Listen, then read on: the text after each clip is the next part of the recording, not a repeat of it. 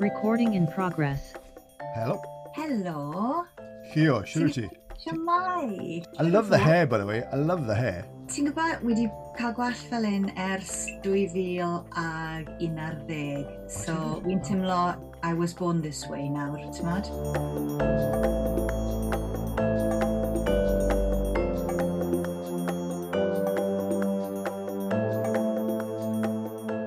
Siwmai, croeso chi, croeso unwaith eto i cymeriadau Cymru gyda'i Chris Jones. Nawr te, fy ngwraig gwadd arbennig dros ben wythnos hon ar y podlediad yw The Wonderful Glamorous Hio Milward. Siwr wyt ti? O, oh, haia Chris, diolch yn fawr am hynna. Well, fi'n orau, diolch. Sut wyt ti? Wel, fi'n iawn, diolch yn fawr ti. Ti'n amlwg yn, yn gantore, ti'n gyfan soddraig, ti'n ti bod yn actores yn y ddydd. Ond, Hio, nawr, o'n i ddim yn gwybod hyn, a fi yn neud bach o ymchwil ar gyfer y podlediad yma, roi. Right? Ond, mm. in a previous chapter of her life, she was a qualified mental health counsellor. Nawr, o'n i ddim yn gwybod na. So, gai ofyn i ti gyda gyd, pam, sut dath hynny i fod yn? Wel, wel, oedd e wastad yn ddiddordeb i fi. Oedd e wastad yn rhywbeth o'n i'n gwybod gwerth y peth. Is i i weld counsellor am y tro cyntaf pan o'n i'n un ar hugen. Felly o'n i'n gwybod um, gwerth y peth sydd oedd yn gallu helpu ac ers yna o diddordeb mawr gen i ynddo fe, ti'n modd? Right. Um, a wi wasar wedi bod yn berson athronyddol ac yn berson sydd yn a diddordeb yn, mewn pobl a sut mae'r person yn ticio a beth sydd yn, beth sydd yn helpu, beth sydd ddim yn helpu. So oedd e wastad yn rhywbeth o diddordeb mawr gen i ynddo fe am, am flynyddoedd. A wedyn, wel, oedd e wastad yn rhywbeth o'n i'n meddwl o un diwrnod, un diwrnod falle na i wneud cwrs neu rhywbeth fel yna. Mae Rhyw, rhywbryd pan, pan mae pan mae bywyd yn, yn rhoi cyfle i fi. Ond yn sydyn benderfynus i wneud e, basically. Doris, mae'n allai, mae rhaid ti stopio fi achos allai fynd ar gyfeilio'r no, wir i ti. No, so, dath na gyfnod, no ni wedi e fel na, right. dath na gyfnod pan benderfynus i astudio. So, um, es i i astudio um, uh, neu postgrad yn y uh, Prifysgol yn Llundain Ac ie, yeah, dyna sut ddigwyddodd. Dechreuais i weithio mewn uh, private practice ac o'n i'n gweithio am sawl blwyddyn uh, mewn oh, private wow. practice wedyn. O, ti actually wedi cael y cyfle i ddefnyddio'r uh, er gradd ma a'r qualification ma, felly mewn Nes i weithio am wyth mlynedd oh, wow. fel, fel counsellor. Okay. Do, do. Felly, ti'n ma, ma mae iechyd meddwl yn gyffredinol, I suppose, wedi dod yn fwy amlwg, mae wedi dod, uh, ti'n modd, i'r e, golwg, I suppose, yn weddol diweddar, yn ywedig achos Covid a bethau. Ond mae e, mae e yn sydyn iawn wedi dod yn amlwg yn y Gymraeg hefyd sy'n anhygoel, uh, achos, ti'n modd, falle bod Cymru Cymraeg ddim wedi bod mor, mor agored i siarad am y peth, ond yn sydyn iawn mae gyda ti meddwl.org, mae gyda ti uh, po fath o sefydliadau eraill. Felly, mm. yn sydyn iawn mae iechyd meddwl wedi cael lot o gyfnogaeth, lot o sylw, mm. wyt hmm. ti'n meddwl bod hwnna, o, wel, yn amlwg yn y beth da, yn amlwg, on, siwr mae hwnna wedi digwydd e? No ni ddim, mae lot fawr wedi newid yn y degawd diwetha, ond os e, dim, dim yn unig am, am bethau fel hyn, wy'n teimlo bod y byd yn newid mor sydyn, mm. ac sut i ni'n gweld yn hunan, sut i ni'n gweld y byd, sut i ni'n gweld bywyd, mae gymaint wedi newid. So, dwn i ddim pan bod hwnna wedi dod yn, yn, yn blaen llaw yn y blynyddoedd diwetha. Wy'n gwybod nes i erioed um, weithio gyda unrhyw un yn y Gymraeg. Um, oedd pob client oedd gen i dros, dros y blynyddoedd o'n i'n gweithio fel therapist. Dwi ddim yn gweithio fel therapist rhagor, ond um, oedd pob client yn Saesneg ac weithiau wy'n stryglo i ffeindio'r y geiriau yn Gymraeg, ti'n modd, achos mae'r holl, mae holl um, yeah, yeah Mae'r holl stwff nes i ddysgu drwy gyfrwng yn Saesneg, wrth gwrs. Ie, yeah, digon teg. Wyt ti'n meddwl bod uh, y byd creadigol, naill ai actio, cerddoriaeth, be bynnag, mm. mm. ydyw yn rhywbeth sy'n fwy amlwg falle yn y byd yna? Mae bobl creadigol sy'n ni'n meddwl yn dioddau fel pawb arall falle, ond ti'n meddwl, dwi wedi cael yn, yn issues efo, efo iechyd meddwl, a, a fel lot o bobl, a O, o, a fi gyda'r llaw, a fi. Yeah. Mae'n rhywbeth, mae'n rhywbeth ti'n fod gweithio pobl. Pan ti'n pan ti'n dweud bod ti wedi gweithio yn y byd yma gyda um, mod, problemau meddyliol neu beth bynnag. A wy'n cymryd, mae gen i isiw am y syniad o bod problemau meddyliol yeah. hefyd. Os, yeah. ti'n os nag wyt ti'n gweld falle dynion bach gwyrdd yn dod mas o'r wal, unrhyw beth o dan y lefel yna, dwi ddim yn gweld e'n broblem meddyliol fy hunan. No. Dwi'n gweld e fel natur bod yn berson. mae bywyd yn galed, mae bywyd yn galed i ni gyd, a ni gyd yn stryglo i ryw raddau. So we, we ddim yn hoffi'r term yma mental health i fod yn onest. Mae pobl yn dynyddio. Fydde lot gwell gen i ddweud fel just human, human challenges, human problems. Yeah, yeah. A, oh, yeah. dwi, dwi ddim yn wahanol, just achos bod fi wedi astudio'r stwff yma, dwi ddim yn wahanol i unrhyw un arall. Ac o'n i'n, ti'n o'n i, yn aml ti'n tymlo, neu oeddwn i'n tymlo pan o'n i'n gweld pobl, ti falle un cam ymlaen, ti falle wedi bod mod, un cam ymlaen o beth mae'r person yna'n mynd drwyddo fe, yeah. ond dyw'r atebion i gyd ddim gen ti fel counsellor o bellfordd, beth sydd gen ti yw modd i ddeall be mae rhywun falle'n mynd drwyddo fe ac modd i just bod gyda pobl, just bod gyda pobl yn mynd drwy bethau. Ond, yeah. ti'n modd, o'n i, wi ddim yn hoffi'r term bod, ti'n modd, mae gen i gan o'r enw broken, uh, dwi ddim wedi dod mas to, ond dwi'n canu am fy hunan fel oh. rhywun broken. So, ti'n modd, ond i ateb dy gwestiwn, o'n i'n gweithio ti byddwn ni'n mynd ar gyfer. um, Do'n i ddim am pobl yn y byd creadigol falle, ti'n modd, Ti'n lot o ansicrwydd, ynddo se? Maen nhw'n cael ei gadael lawr, maen lot o negativity, maen lot o, yeah. ti'n meddwl, ti'n gael croen trwchus, a wedyn ar ddiwedd y dydd, my god, mae ma bod yn fod yn effeithio ar actorion yn enwedig, sy'n ni'n meddwl, mynd i'r clyweliadau yma ac yn cael nas, na, na, na, wedyn, oh my god, yeah. ti'n meddwl, mae'n bod yn fod. E? peth ti'n gweld, ti'n dweud bod rai cael croen trwchus, ond ar y cyfan, pobl yn y byd credigol, does dim croen trwchus gyda ni o gwbl. Na, wel, yeah, o gwbl, yeah, i ni'n bobl, uh, ti'n meddwl, brod drogs yw hyn, a wy'n teimlo ni ddim yn, ni ddim yn garafan special o bobl achos bod ni'n bobl credigol, achos mae pawb yn greadigol i raddau. Yeah, yeah, yeah. Ond os wyt ti'n mynd i weithio mewn maes creadigol, ti'n gorfod bod yn berson agored, ti'n gorfod bod yn berson gyda croen tenau, achos wyt ti'n gorfod timlo mewn i bob math o bethau, oh, okay. falle byddai'r dyn ar y stryd sydd ddim, ddim yn ymwneud â'r pethau fel yna, yn gallu pwysio i ffwrdd. So, falle dyna pam wy ddim wedi meddwl am hyn okay. o'r blaen, yeah, ond yeah. ti'n mwyn falle achos bod ni yn bobl mor agored a croen denau, bod yn effeithio o'r bobl oh, yn y yeah. maes yma. Wel, gan ni'n siarad am actio then, gan ni'n siarad am actio, achos nawr, Clyw, fi'n cofio ti mewn tair chwaer, oh my god, I mean, no. talk about brilliant, oedd yn amazing, a fi ti'n mwyn, ti'n bod yn dinas, a Compassion After a couple of... Ond credu bod ti'n cofio oh, hwnna! O, ie, ie, ie, fi mor hen yna. Ie, Wi'n dod i'r pwynt, wi'n dod i'r pwynt mewn bywyd nawr bod dos, dos neb yn cofio achos, ti'n ma, gymaint o'r flynyddoedd o'n i'n gweithio cyn social media. Oh, so well, yeah, mae yeah, llwyth yeah, o fy mywyd i just wedi mynd ar goll yn yr eithyr, achos os neb... Oedd hmm. tair chwaer yn ymwneud yn, Amerig, yn, amazing, ti'n modd pob fath o bobre, a ti'n modd BAFTA Awards a bethau, oedd ti a'r ddwy arall, o'ch chi'n modd amazing. Ond oedd hwnna, hwnna yn gyfnod exciting yn dy fywyd i? Oedd actio'n rhywbeth o ti wastad eisiau neud, neu di cwmpa mewn iddo fe? Sut sure, dath hwnna? Ti'n fi'n gweld dinas, oedd e falle beth cynta, ti wedi bod yn bobl y cwm, mae pawb gyda pob parch, mae pawb wedi bod yn bobl y cwm. Ond ti'n oedd hwnna'n gyfnod hapus, neu oedd ti'n ffynu hwnna'n oh, anodd? Neu? Na, gosh, o oh, waw. Wel, nes i'n, wy'n credu nes i'n neud yr un gymaint o actio a nes i o gani Achos pan o'n i, ar ôl gadael ysgol, o'n i yn audisiono am golegau um, actio yn Llundain. So actio oedd wastad fy mwriad. Right. Bod yn actores oedd fy mwriad wastad. Ac um, o'n i yn hanol y recalls ar gyfer hynna. Pan, pan ges i, um, wy'n credu y dinas a wy'n credu oedd hefyd uh, panto gyda um, DH, David oh, Hywel. Oh, right. So ges i gwpl o, achos o'n i wedi wneud rhywbeth, uh, o'n i wedi canu, o'n i wedi wneud rhywbeth yn canu ar Esbydorec cyn oh. gadael ysgol. Right. So wedyn ges i, um, o'n i'n lwcus iawn i gael y cyfle wedyn i ddechrau gweithio straight away. So nes i ddim mynd i goleg actio a dechreuais i weithio.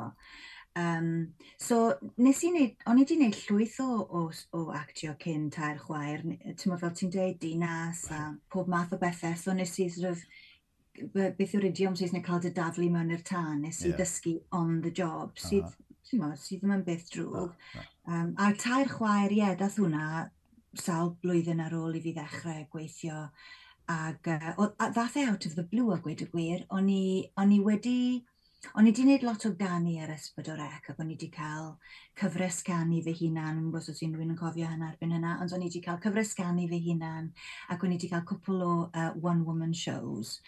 Ac y natur y math o beth wyt ti'n canu ar y teledu, mae ychydig bach yn middle of the road, ti'n gwybod? Yeah, yeah. Ac oedd hyn yn y 90au ac o'n ni fel person ifanc yn gwrando ar Nirvana a Pearl Jam a tymod, right. Elastica a stwff fel yna, ac o'n i'n canu pethau llawer mwy middle of the road, ac oedd e, o'n i wedi dechrau symud i ffwrdd o ganu ar y teledu, ac oedd gen i band indie rock fy hunan. Um, achos o'n i wastad yn teimlo'n uniaethu mwy gyda sort of subcultures alternative, mm -hmm. o'n i fan oedd yn mrawd yr un peth. Um, so oedd gen i'r band yma Indie Rock, Leo's Obsession, a hwnna oedd fy ffocws ar y pryd, ac o'n i, dyna beth o'n i wir yn canolbwyntio yna fe am, am ryw bum mlynedd, um, yn recordio, sgrennu a gigio ac yn y blaen. A wedyn ges i alwad out of the blue i fynd i auditiono am tair chwaer. Ac o'n i'n meddwl, oh, wow, oce, okay, beth yw hyn? Ac o'n i'n gweud, oh, mae music yn the fe, a pob math. A just wi jyst yn teimlo mor, mor lwcus y ges i'r galwed yna a wy'n teimlo mor lwcus i wedi bod yn rhan o rhywbeth oedd uh, mor llwyddiannus a mor dda a oh, yeah, gweithio yeah. gyda actorion rhyfeddol eraill a yeah. pawb mor brofi brofiadol. A so, ysgrifennu mor dda hefyd, oedd wedi cael ei ysgrifennu mor dda. Yeah. Hwnna yn neud, ond, ti'n uh, Doniol a trist. Ie, yeah, hollol, ie, ie.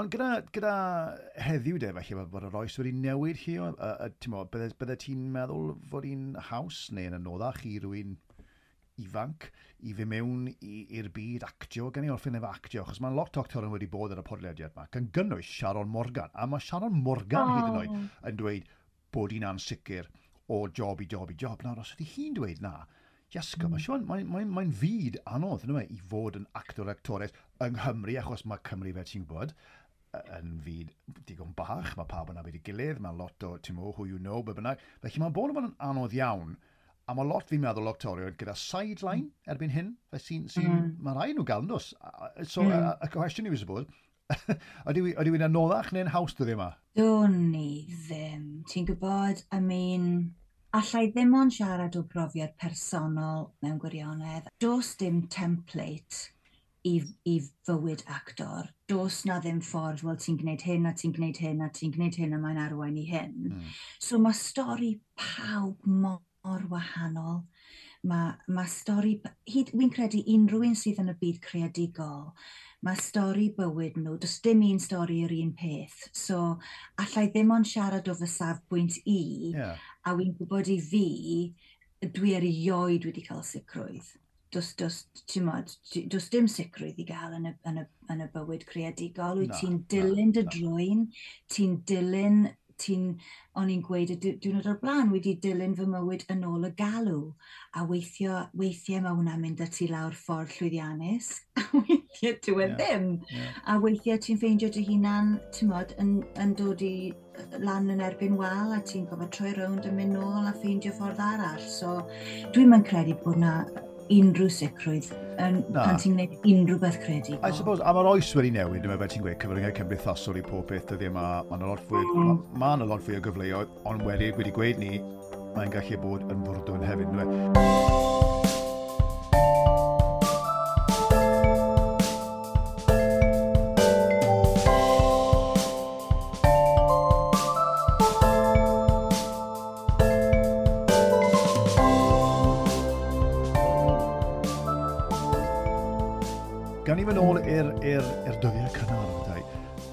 wnaethon ni un o lle wyt ti yn reiddiol, lle ys ti ysgol, pa math o ferch o ti'n ysgol? Oh god. Um... Mor wael yn i ti.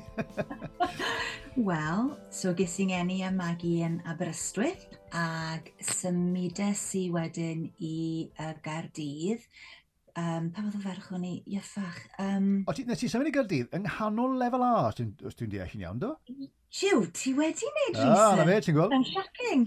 do, wel, nath y rhieni um, ysgaru, ac oedd, um, oedd mam Sylvia wedi um, mynd nôl i'r coleg fel myfyriwr eiddfed oh, right. i wneud y gyfraith ac oedd hi um, yn chwilio am swydd yn y maes yna ac ie, yeah, nath y ddwy ohono ni symud i Gardydd just cyn i fi wneud fy lefel A. Oh, right. So, um, is i ysgol newydd pan o'n i'n 17 ac oedd hwnna'n galed. So, a gweud y gwir, ti wedi helpu fi i ateb y cwestiwn mewn ffordd, achos o'r pwynt yna ymlaen, I mean, allwn ni fynd nôl yn gynnar achos ti moyn, ond wy'n gwybod faint o sens yna am y peth, ond o'r, or, or pwynt yna ymlaen, o'n i'n dipyn o lwna, a wi wastad wedi bod. Oh, ers right. y pwynt yna, bach o, bach o lone wolf mewn gwirionedd. Ma, ma, ma, so, siwt oedd hwnna wedyn yn... Man, na, na, well, ti, yn, yn amlygu hunan, be, beth oedd ti'n neud yn wahanol i bab arall? Oedd efe e ieithyddol neu, neu cultural neu, neu beth oedd ti'n teimlo bod ti'n wahanol i bab arall neu beth oedd e? Pam oedd ti'n lone, lone wolf? Achos ti ddim yn unig blentyn, oedd ti? Um, doeddwn i ddim, na, na, oedd gen i frawd hmm. hun, mm. um, Andras.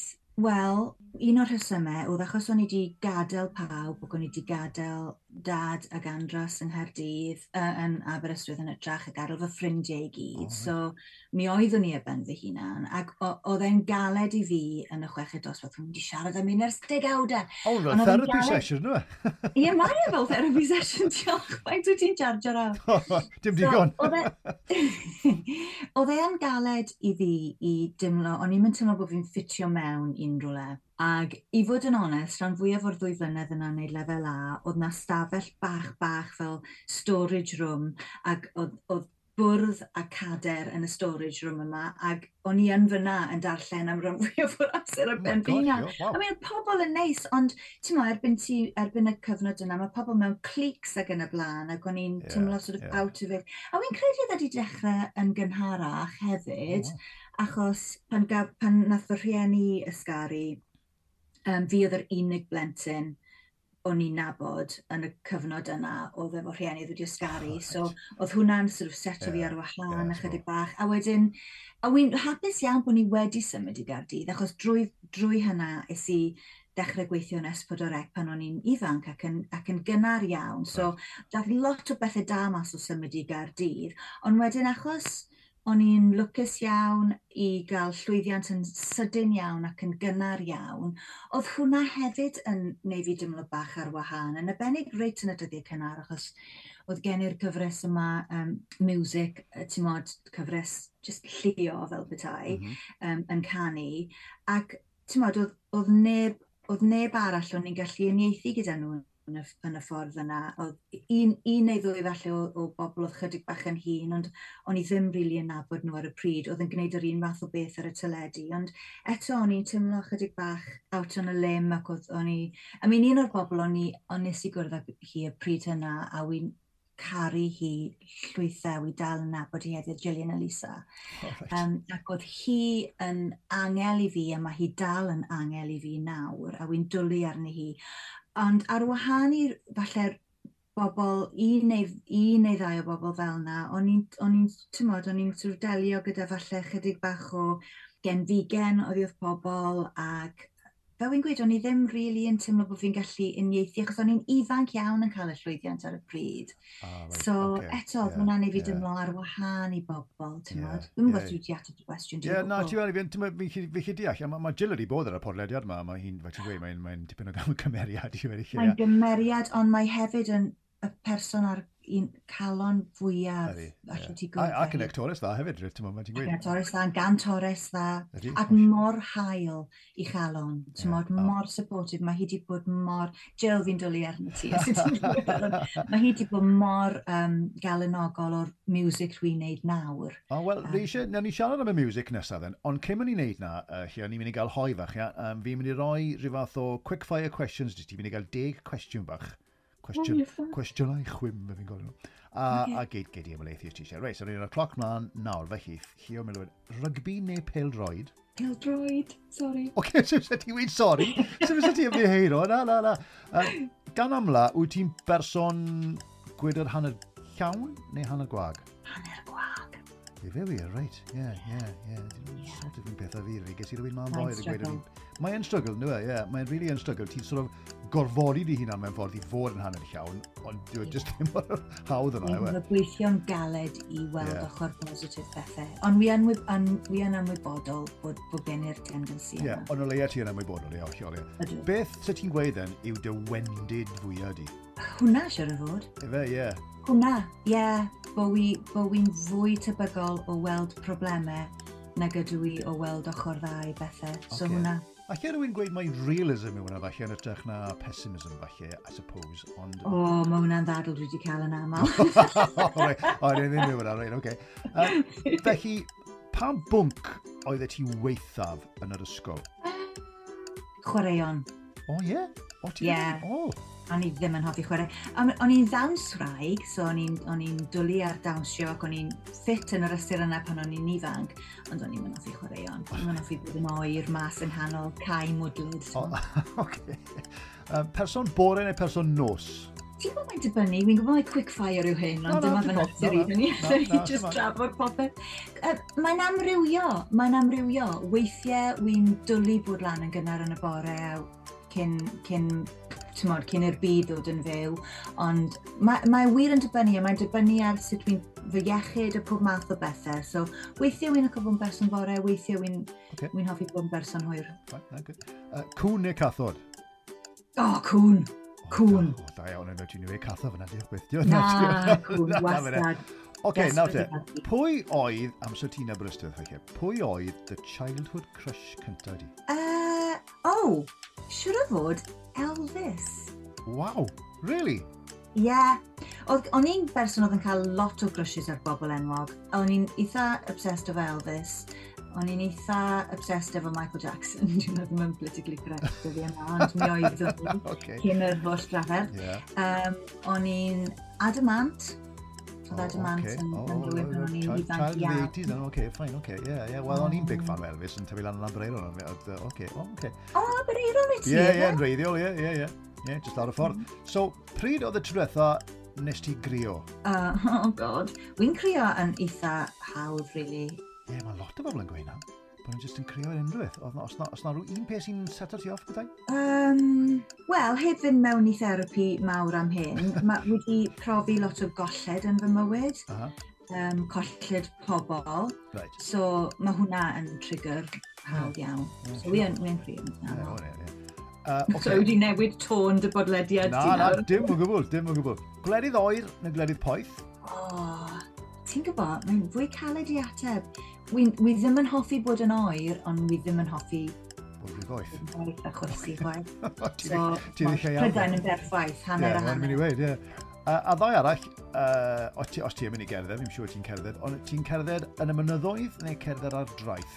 Uh, pe bydden ni ar draeth, siwr o fod. Ar draeth, ie. Yeah. Ar draeth, ie. Yeah. Okay. Yeah. A'r cwestiwn ola, wyt ti rioed wedi dwy'n unrhyw beth? Dwgyd unrhyw beth? Oh, tiw tiw. Ti'n gwestiwn personol, yna? Allai ddim... Wy'n trio meddwl nôl gan bod ni wedi siarad gymaint am... Wy'n wedi siarad gymaint am fy mhlentyndod ers... Fe fi'n gweud ers degawdau, e, wy'n trio meddwl nôl i na. Na, na, o ti'n good girl, ys- ie, yn y brystwyth, ie. Okay. Gyda'r beth fel na, ie. Yeah. Oce, wel, wel, fe, mae'n ma'r atebion yn adrodd cyfrolau. So, diolch yn fawr.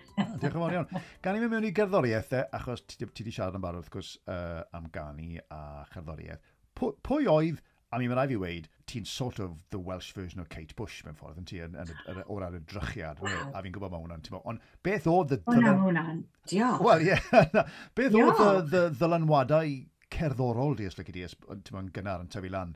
Pwy o ti'n gwrando ar efe? O ti'n gweud nirfan y bethau gwahanol, falle digon teg. Ond oedd oedd na, achos yn amlwg oedd yr rieni dyn wedi dydar yn amlwg yn, yn ffigwr tymor cyhoeddus, oedd na, oedd na mm. gerddoriaeth Cymraeg pryd hynny hefyd, neu, neu oedd e, o ti'n ti trial wneud ymdrech i fod yn wahanol, i fod yn alternative? A lot o gwestiwn yma, sorry. Yn sicr na. Yn sicr na. Fi'n credu pwy oedd... Wel, pan o'n i, eto, pan o'n i'n ifanc, um, lleisiau oedd yn effeithio arna i. Right. So, o'n i'n gwrando ar unrhyw un oedd, oedd llais y person yn, yn symud fi, mwy na gwrando ar y gerddoriaeth os ti'n deall okay. byw'n meddwl. Fel Kate Bush then, basically, no really. Wel, ie. Yeah. Um, ond o'n i'n hwyr iawn yn dod o'r Kate Bush. Diolch i gyda'r llaw. Na, o'n i'n gwrando lot o soul a lleisiau di yn arbennig, lleisiau soulful, gospel-y. Right. Um, o'n i'n hoffi Billie Holiday, o'n i'n hoffi Barbara Streisand achos i llais. So, oh, lleisiau o'n i'n gwrando arno fe reit i ddechrau pan right. o'n i'n ifanc yeah, Whitney Houston wrth gwrs a pobl fel na. A wedyn wrth i fi tymod, mewn i fy ugeiniau wedyn ac oedd yn arbennig y degawd grunge, wedyn o'n i yn hoffi stwff indie rock a grungy ac oedd yn hollol gwrthwyneb i beth o'n i'n yeah. o'n i'n performio fy hunan ar y pryd. Ar y pryd, wel ar y pryd, gan i siarad na achos ti'n fe nes i uh, wylio cwbl o, o YouTubes uh, gyda fach uh, fideos mm. a ti'n mo, be se ti'n Mae'n mae gwestiwn digon gwirion. Ond os na gategori, os na steil i'r gerddoriaeth i? Nes, nes i dar draws yr... yr um, fi'n meddwl ar y safle wedi, actually, oedd yn you here produces intense tracks, uh, intense tracks and exploring an inner landscape of both struggle and transcendence. Whoa, mm. that's serious stuff here.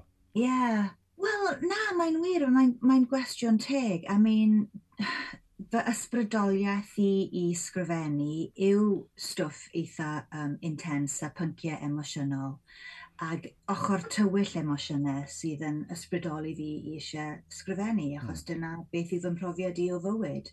Ac o ran steil, wel erbyn heddi nawr ni wedi neidio dy gawdau. well, yeah. um, Mae'n gwestiwn teg i weid beth yw fy steil ac wi yn ffeindio fe'n anodd i, i ddweud beth yw fy steil ond Achos mewn ffordd mae ei rhywun arall i roi ti mewn categori yn diwen, mae galed i roi dy hunan mewn categori. Ond beth rhaid i fi, I suppose fydden ni'n dweud rhywbeth fel alternative pop neu avant pop. Ie, yeah. um, oce. Okay. Yeah. fel yeah. A ti, ti, gyda pob arch ti, ti'n amlwg bach yn wahanol os dyna'r gair i, i gantorion sy'n canu Gymraeg, ti'n dim bod i'n mynd y rong yn amlwg a dim un o'n nhw, ond ti'n ti sicr yn, yn dim o rhaid i fe mewn bocs, a mae Cymru Cymraeg yn terrible yn rhoi ni'n ni gilydd mewn bocs, yn dyn ni ond ti'n sicr mewn bocs bach yn wahanol i, I don't know, Elin Fflir neu, neu pwy bynnag, neu hyd yn oed Caryl neu, neu hyd yn oed fath na. So ti yn bach yn wahanol, alternative, a, a mae hwnna, dyna ti wastad wedi, ti, mo, ti wastad wedi meddwl i wneud na ar bwrpas, yn dod, really?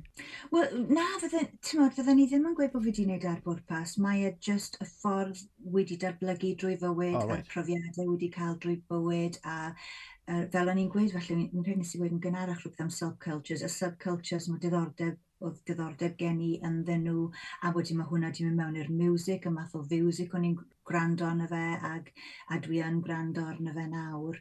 Ie, yeah, mae pob math o resymau, dwi'n e pan mae rhywun yn datblygu y ffordd maen nhw'n datblygu.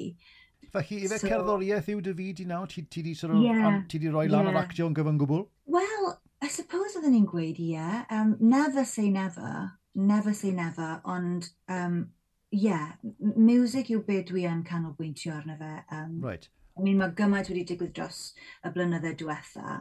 Um, ond wi jyst eisiau sgrifennu, recordio, cael pobl i glywed y stwff, achos mae hwnna'n sialens. Wel, na'r cwestiwn nesaf, sut fywyd yw i, sut sialens yw i, achos mae'n mae, mae, digon anodd i wneud e yng Nghymru felly, ond ti'n nawr yn byw yn Llundain yn amlwg, a ti'n meddwl, mae'r ma, ma, ma, byd na'n wahanol, mae'n byd fwy, ynddo e? Oedd e'n anodd mm. i hmm. gael y danbyddiaeth, i gael y cyfle i recordio, i, ti'n meddwl, ffindio fe'n anodd?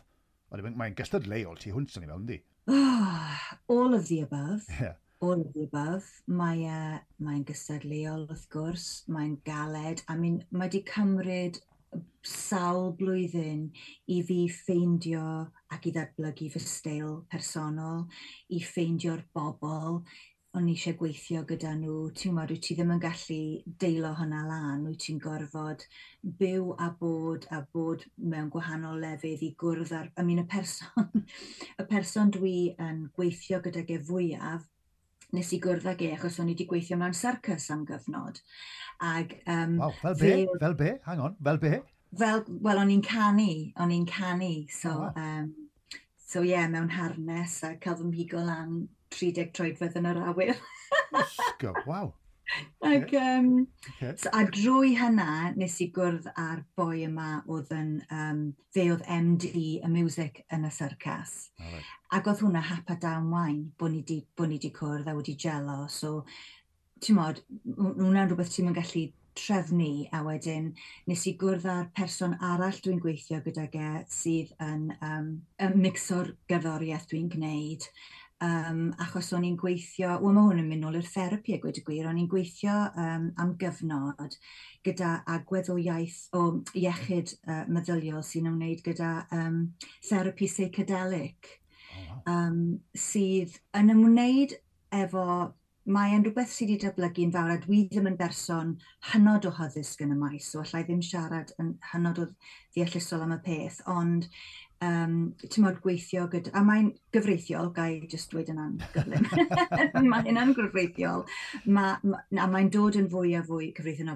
o therapist sy'n gweithio gyda pobl drwy ddefnyddio um, ketamine a psilocybin. Ac o'n i'n gweithio gyda, oedd e'n academydd go iawn o Imperial College ac oedd e'n rhedeg prosiect um, yn gweithio gyda pobl, nid yn ymwneud efo cyffuriau, ond oedd e'n defnyddio sŵn a music fydde yn rhoi rhywun mewn i ryw alternative state a wedyn yn gweithio gyda nhw yn y modd yna. So, wy'n mynd ar gyfeirion, okay. jyst i ddweud. Yeah, no, Rwy'n neud hynna am gyfnod byr, um, fe nes i, um, nath nhw anfon fi i studio recordio, i recordio, uh, i sgrennu a recordio uh, meditations yma.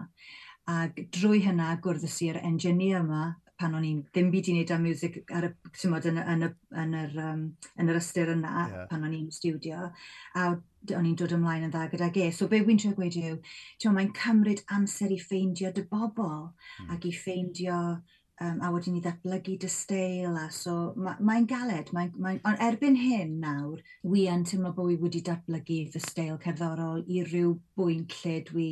Wyt. Mae gen i ryw syniad o pwy ydw i ar hyn o bryd yn gerddorol. Ie, yeah, mi'n meddwl bod ti. Ac yn Saesneg yn unig, neu ti'n neud y pethau yn Gymraeg hefyd? Wel, ar y cyfan yn Saesneg, ond mae gen i ganeuon wedi recordio, wedi gorffen, ond dwi ddim wedi gollwng nhw eto, um, lle mae yna Gymraeg ynddyn nhw. A dyd y gwir, nes i ollwng pedair can llynedd ar Spotify, please ewch i Spotify a gwrandewch. Yeah, yeah, yeah. um, um, ac ond mae'n y gan o'r enw Haunted, ac yng nghanol Haunted, dwi'n siarad yn Gymraeg. All right, okay. Yn nghanol y gan yna.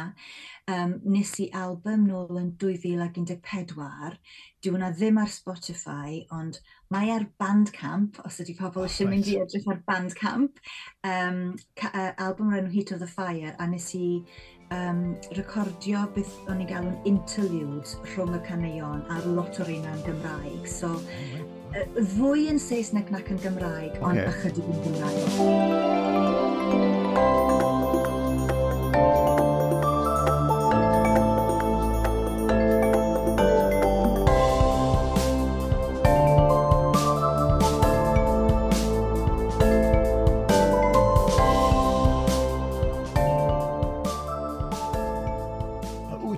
elfen anodd i, i fod yn Gymraeg yn Llundain, i garwyd y Gymreigdod, ydy hwnna'n anodd? Ydy, nawr wi'n gwybod bod yna gymdeithasau Cymraeg yn Llundain, ond eto, achos un rheswm neu gilydd, a eto fydden ni yma am ddwy awr arall yn esbonio hynna. Ie, wi'n wi'n hapus i fod yma am ddwy awr os ti'n moyn.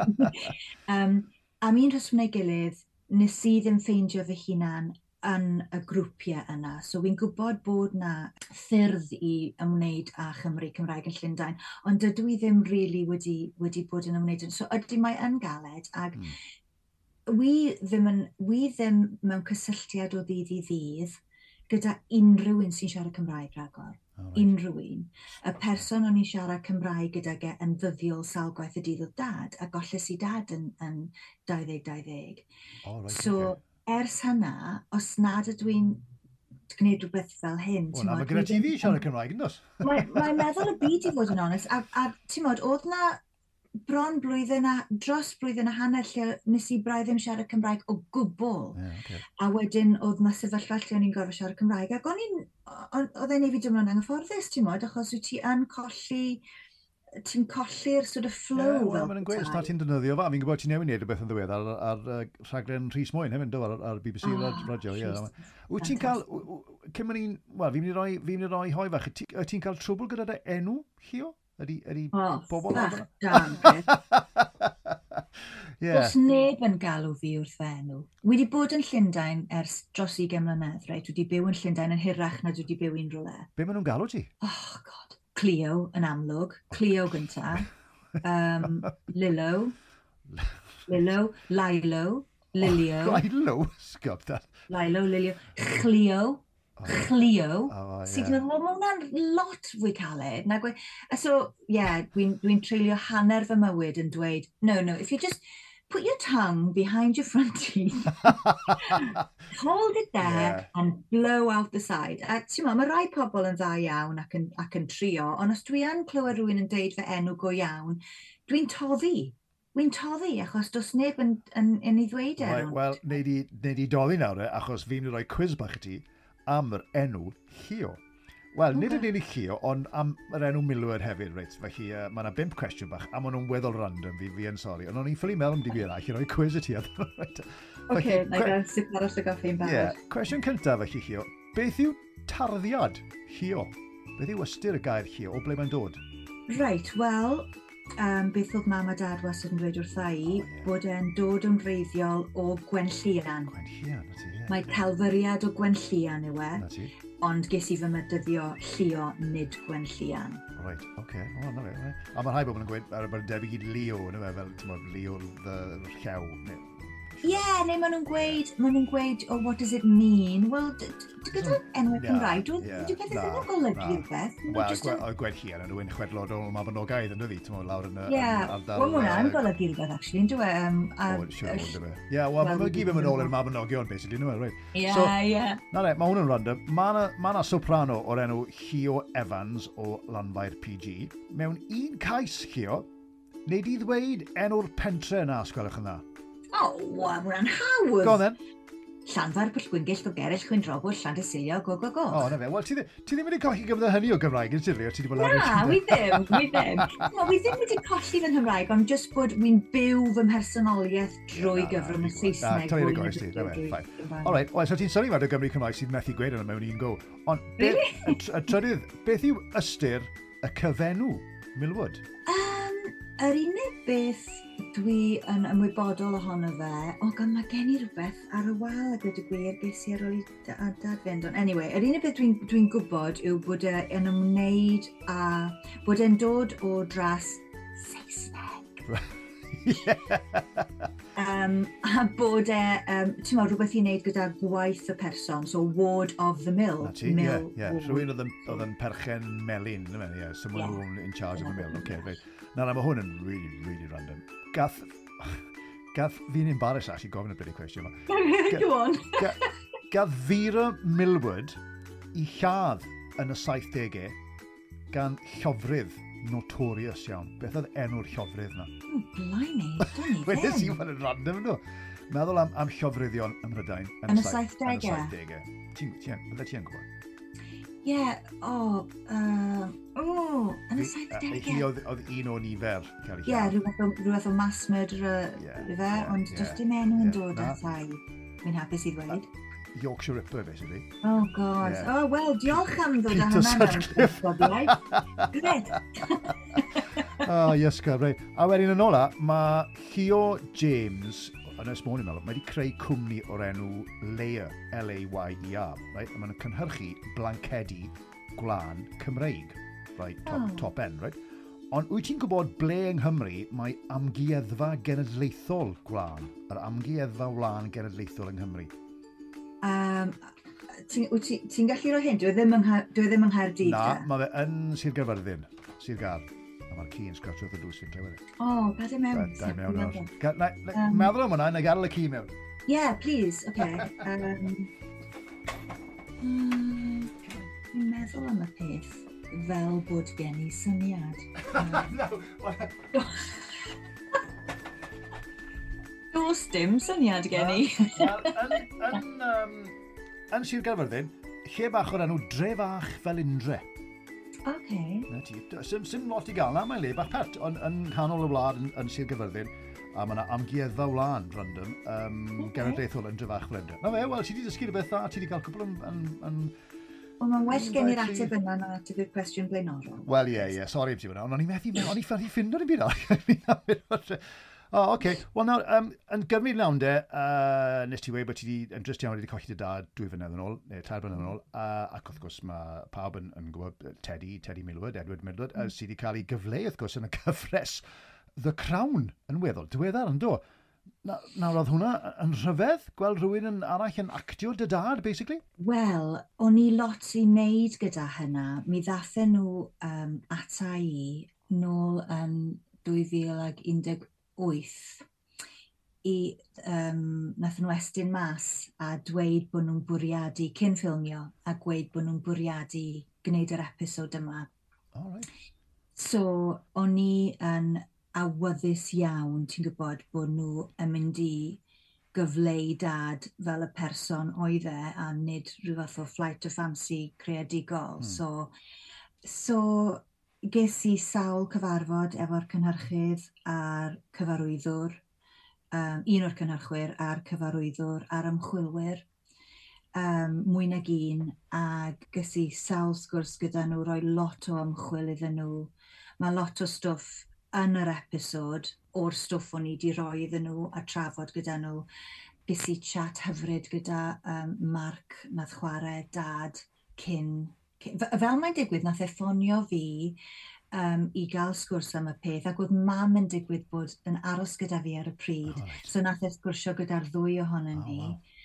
Nes i roi teis dad i Mark, so oedd Mark yn gwisgo teis dad no way, oh, wow. yn y gyfres, yn yr, yn yr episod. Yeah.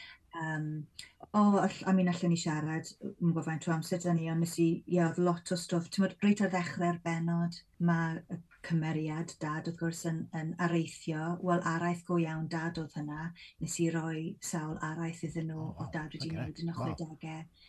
So geiriau go iawn dad yw'r reina. Ie, yeah, ie, yeah, ie. Yeah. Um, a a mae'r ma episod na wedi cael lot o glor, yndi? Mae, ti'n ma, um, o achos, ti'n ma, yn amlwg beth sydd wedi gwedd ar episod yma Aberfan hefyd. Ma, ma, ond mae ma ambell i'n wedi gweithio fi bod, ti'n ma, cynhyrchiad y crawn yn anghenfil bod yn anferth o beth. Ond oedd eisiau bod yn, oedd eisiau bod yn rhyfedd mewn ffordd i, i, i ti dy fam neu ti dy deulu felly i, i weld ti'n mod, dy dad ar, ar y sgrin y bethau, yn amlwg Mark oedd yn chwarae fe, digon teg, ond oedd e'n brofiad eitha... Wel, oedd e'n brofiad hir ti'n gweld, so erbyn i fi weld dad ar y sgrin, o'n i wedi bod yn ymwneud gyda'r peth oh, okay, digon teg, am yeah, gyfnod yeah, hir, yeah, ac o'n yeah. i wedi mynd â dad ar y set, oedd dad dal gyda ni, oh, right. pan oedd e'n ffilmio. So, um, o, wir i ti, oh, ges i argraff arbennig o'r cynhyrchwyr arbe y cynhyrchydd arbennig yma o'n i'n yn ymwneud â hi a'r cyfarwyddwr, mi oedd integrity mawr gyda nhw a'r ymchwilwyr mm. ac o'n nhw wir, wir eisiau, wy'n gwybod bod na lot o hwha wedi bod am y crawn yn ddiweddar a wy'n credu bod hynna'n deg hefyd mm. yeah. achos mae'n wir mae um, cyfres ffuglen yw e, yeah. mod, based on reality, yeah. mae hynna yn wir, ond ar yr un pryd, ar y pryd, o'n i just mewn o'n i just mewn sut wedau, o'n i'n mor concerned, achos oedd dad ddim yn dda erbyn hynna o gwbl. Right. Ac o'n i, ac oedd dad a fi'n agos iawn iawn, ac o'n i'n gofalu am dad yn y blynyddoedd ola. Ac o'n i just, o'n i'n fierce, o'n i just eisiau gwneud yn siŵr bod nhw ddim yn mynd ar gyfeirlion a ddim yn mynd yn rhy bell yeah, okay. o wirionedd cymeriad dad. O'n i wir, oedd e'n hynod o bwysig i fi. So oedd e'n broses hir, Ond o'n nhw yn bobl, o'n nhw yn bobl da, um, ti'n bod, a dathen nhw lan i Aberystwyth i gwrdd â dad. Ac o'n nhw, wel, wrth hmm. gwrs, o'n nhw'n ddau dro, um, o'n nhw'n ffilmio yn yr hen goleg. Do, do, do. Um, yeah.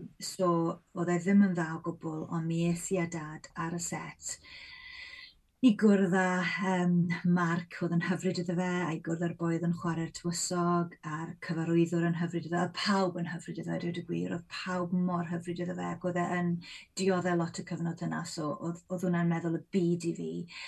Um, a wedyn, unwaith o'n nhw wedi gorffen y ffilmio, dath y cynhyrchydd a'r cyfarwyddwr lan ar ben ei hunan i aber i ddangos yr episod i fi a dad. O, oh, chwarae teg yn o, ie. Ond, ti'n modd, fel i'n gweud, maen nhw'n bobl, oedd y bobl yna o'n i'n delio gyda nhw. O, da iawn.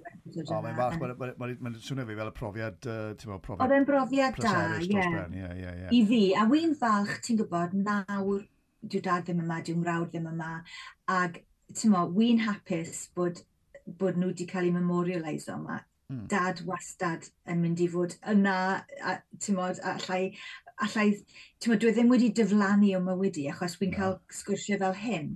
So allai sôn am dad a mae hwnna mor bwysig i fi a mae enw andras dal mas achos golles i andros yn yeah. 2016 hefyd. A mae enwau dal yn cael ei ddweud ac yn achos oedd i enwau yn anarferol hefyd mae gen i enwau. Of course, ie, ie. yeah, yeah. So mae hwnna meddwl y byd i fi.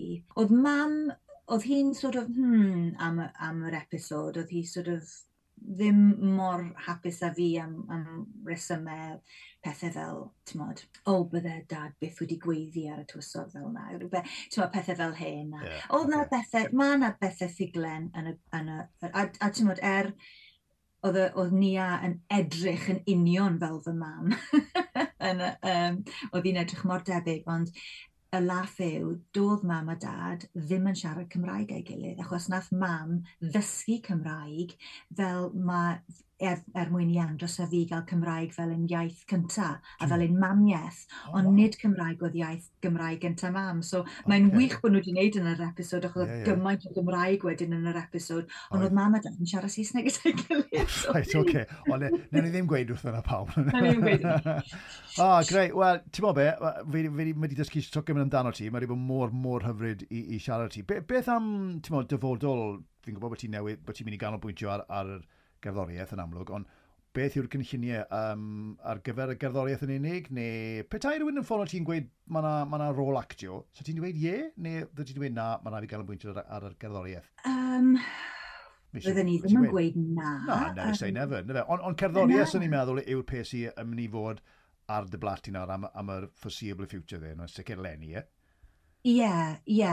Achos, ti'n mo, ma, dwi yn gwneud, er, mae gen i bobl dwi'n cydweithio gyda nhw, ond mae draif yr holl beth fi yw e, mm. a does, does dim cwmni recordio gen i um, ar un o bryd beth bynnag. No. So mae'n mae lot o waith, mae'n lot o waith ar, ar gymaint o lefelau, nid jyst y gwaith creadigol. Ydy, um, Ti'n gwybod, mae ma popeth yn ymwneud â'r peth yn. So wy'n wi hynod o brysur o hyd yn trio cynhyrchu'r gwaith, trio cael y gwaith mas, Um, mae gen i sawl can. Dwi wedi recordio gorffen yn barod, ond um, fel o'n i'n deud ar y dechrau, y sialens yw cael platfform digon mawr bod pobl yn gwybod am, am y gerddoriaeth a bod nhw'n gallu mynd i wrando yna fe a gweld, a yeah. gweld os oes diddordeb gyda nhw. So dwi'n diolch am wahoddi ar hwn hefyd, achos mae popeth fel hyn wedyn yn, yn gyfle i fi ddweud, o, oh, mae gen i gerddoriaeth mas ych chi'n mynd i wrando arno neu edrychwch ar YouTube neu... Ie, yeah, wel na fe, wel, gweithio'r un awr, lle mae bobl yn gafel ni'n gwybod bod ti'n newydd ddechrau rhoi pethau ar YouTube a Spotify a Bandcamp nes diwedd hefyd, o, os yna rhywbeth arall? Ie, yeah, mae fy hen album dal ar gael ar Bandcamp, right. um, uh, Heat of the Fire yw hynna, so os ydyn nhw'n googlo Bandcamp, a Llio Milward, mi welwn nhw'r album yna. Uh -huh. Mae stwff gen i ar Spotify a dwi ar Instagram a, uh, yeah, Instagram, Spotify a YouTube. A YouTube. So there, yeah, Fine. yeah. Great. Uh, there's only one Hugh Millward, felly yn sôn am unig... Wel, dyna'r unig benefit o gael enw am hosib. yeah, there, there is only one of yeah. me. Right, wel, diolch o galon ti. Cym yn i'n gorffen, fi'n mynd i roi ti ar yr ynys ma. Ti'n mynd i gael pethefnos fach y ben dy hun ar ynys gwylledig ma, rhywle, reit? Um, stim plug, stim trydan ar, ar yr ynys ma, ond beth yw'r un peth... Na, fydd am y straightness. Na, wel, na, wel, ti fydd ti'n iawn. Beth yw'r un peth wyt ti'n mynnu mynd gyda ti, jyst i wneud bywyd bach yn haws am pethefnos ar yr ynys? Os na, rhywbeth... Alla fe'n mobile phone? Na, wel, allai di fe'n mobile phone, neith yn para'n hir. Okay. Wyt ti'n gaeth oh, yr mobile phone i ti, ond na, dim plugs ar ynnes ma. Oh, jiw, jiw. So, dim byd i wneud â trydan. Na. Dwi'n hyn llyfr, siwr o fod, falle. Llyfr, gitar, neu, neu piano, neu allai ni gael hyn. Na, achos fydde gen i fy llais, so allai okay. greu music, mi bynnag ydw i. O, waw, oce, okay, waw. Ie, yeah, oce. Okay. Dyna fy offeryn cyntaf, dyna fy offeryn cynta yw fy llais. Oh, wow. So, bydde, bydde ti'n ym, bydde ti'n amdopyn yn Ynys Mewn ben i hun? Na, dim o gwbl. Na. na. Na, bydde ni'n cael breakdown.